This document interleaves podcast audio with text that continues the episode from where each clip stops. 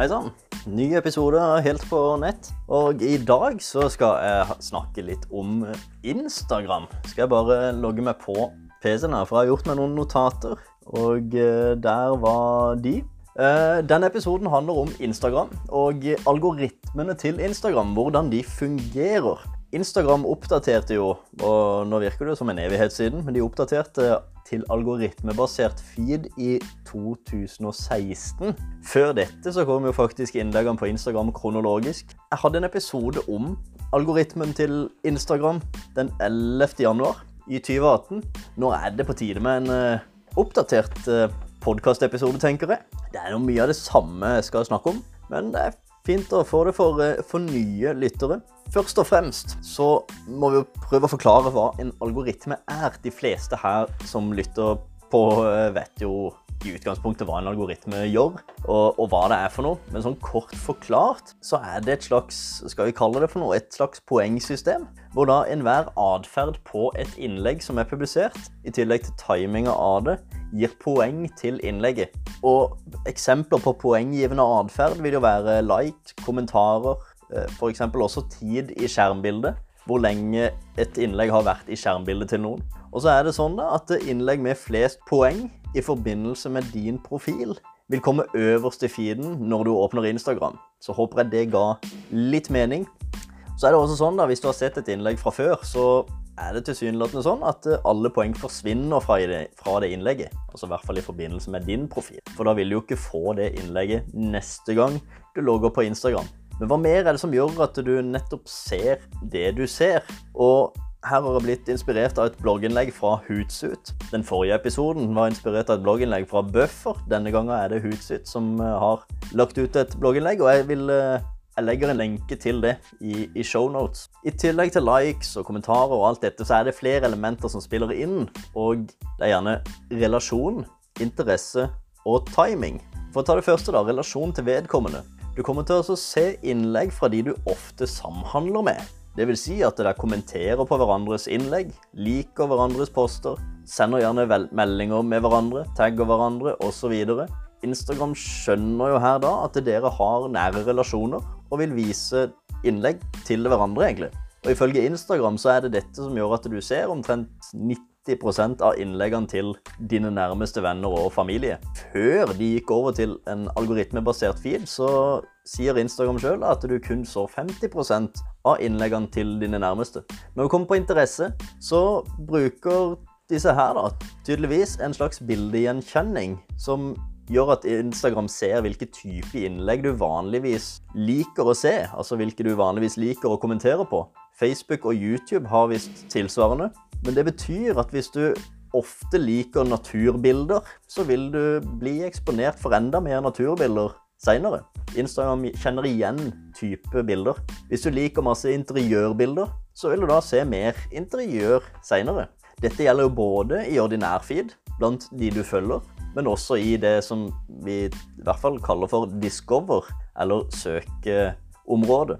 Det tredje var jo da timing. Og da er det gjerne sånn at eh, Jeg snakker om dette med poeng. At eh, innlegg starter med Altså, du får poeng for enhver atferd. Et innlegg som publiseres, har mest poeng sånn med en gang det legges ut. Og deretter så faller det gradvis etter hvert som flere innlegg publiseres. Så det er jo et lite poeng å publisere når ditt publikum er online. For hvis et innlegg er gammelt, så vil det også ha litt færre la oss kalle det algoritmepoeng. Og vil også da falle lenger ned i feeden. Og det betyr jo at det krever ganske mye mer av andre engasjement for at det skal komme høyt opp. Og det vil jo være kommentarer og likes osv. Dette med å publisere når publikummet ditt er online, det kan jo kanskje være Det må du jo egentlig Du må egentlig finne ut av hva som passer best for deg og din, altså ditt publikum. Men et godt utgangspunkt kan jo kanskje være å bruke statistikk her sånn, og gjerne gjøre det under eh, populære TV-programmer, eller når folk flest ser på TV. For ifølge Ipsos, hvis du ser på rapporten som kom i Q4 2018, så sier det jo at 60% av oss nordmenn sjekker Instagram mens vi ser på TV. Så kanskje det kan være et godt utgangspunkt, men det må du jo bare teste og finne ut av. Så det er jo masse mer som påvirker algoritmene, men her er et par tips da, til hva du kan gjøre for å gjøre det bra på, på Instagram. Og dette er også ifølge Hootsuit, som jeg legger ut lenke til. Uh, de sitt blogginnlegg, da. Post ofte. Og selvfølgelig sier jo Hootsuit dette, for det gjør jo at uh, man kan bruke de sine tjenester i forbindelse med å planlegge innlegg. Men jeg er enig med de òg, for det gjør jo at du finner ut når ditt publikum er online. Så i hvert fall i starten så vil jeg også anbefale at du poster ofte for å lære mer om atferden til ditt publikum. Publiser videoinnhold. Og det er ikke fordi at video i seg sjøl påvirker algoritmene, men mye statistikk viser at folk faktisk liker å se video bedre.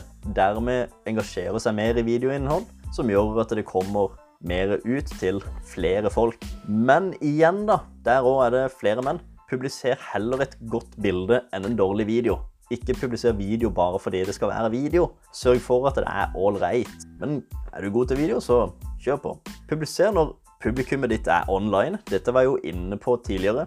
Trykk på innstillingsknappen og finn innsikt eller insights, litt avhengig av hva slags språk du har det på. Der kan du finne ut når de beste tidspunktene er, både på dag, men også på klokkeslett. Bygg relasjoner. Kommenter på andres innlegg. Eh, lik selvfølgelig, men, men bruk gjerne ord. Altså kommenter gjerne. Og ikke minst, svar på alle som kommenterer på dine innlegg. Det gjør jo at Instagram skjønner her er det en relasjon som gjør at dine innlegg fremover også vil vises til vedkommende du snakker med. da. Bruk hashtags, men ikke for enhver pris. Bruk hashtag smart, for du vil ikke bruke hashtags bare for å få likes. Altså follow for follow eller like for like og alle disse her greiene. Bruk hashtags for å målrette innlegget til de som kanskje kan finne ditt innhold interessant, men som ikke følger deg fra før. Men skal du gjøre det på en riktig måte, og skal du få gode følgere som er faktisk lojale over lengre tid, så må du bruke hashtag som er relevante, og de må være gode beskrivende i forhold til bildet du legger ut. Der igjen er det også gjort mye statistikk, og det er veldig mye forskjellig som blir sagt i forhold til hvor mange hashtags du skal bruke. Men jeg tror ikke vi skal henge oss opp i hvor mange du skal bruke, men heller få det ned til de aller mest relevante. Det kan være alt fra fem hashtags til 15, så lenge det er relevant, tenker jeg. Og så se gjerne to ganger på et innlegg før du poster. Gode innlegg får mer engasjement. Sånn er det bare. Er det et beskrivende bilde, et tekst kanskje også under, som engasjerer mye? Se gjerne over en gang til. Er dette noe som, som er bra nok? Og kjør på. For jo bedre det er, jo, jo flere poeng får ditt innlegg, og algoritmene vil prioritere det. Det var egentlig det jeg hadde. Og så legger jeg ut lenke til dette her. Hvis du syns at dette gir deg noe verdi, noen av disse episodene jeg publiserer, så har jeg satt veldig stor pris på om du går inn på Apple Podcast og eh, gir meg en rangering. Og gjerne trykker på noen stjerner, og skriv gjerne noen ord også. Det er på en måte Denne podkasten her legges jo ut gratis. Jeg gjør denne jobben gratis. Og måten du kan betale meg tilbake, er jo egentlig å gi en en god rangering i Apple Podcast, for da vil jeg jo nå ut til enda flere.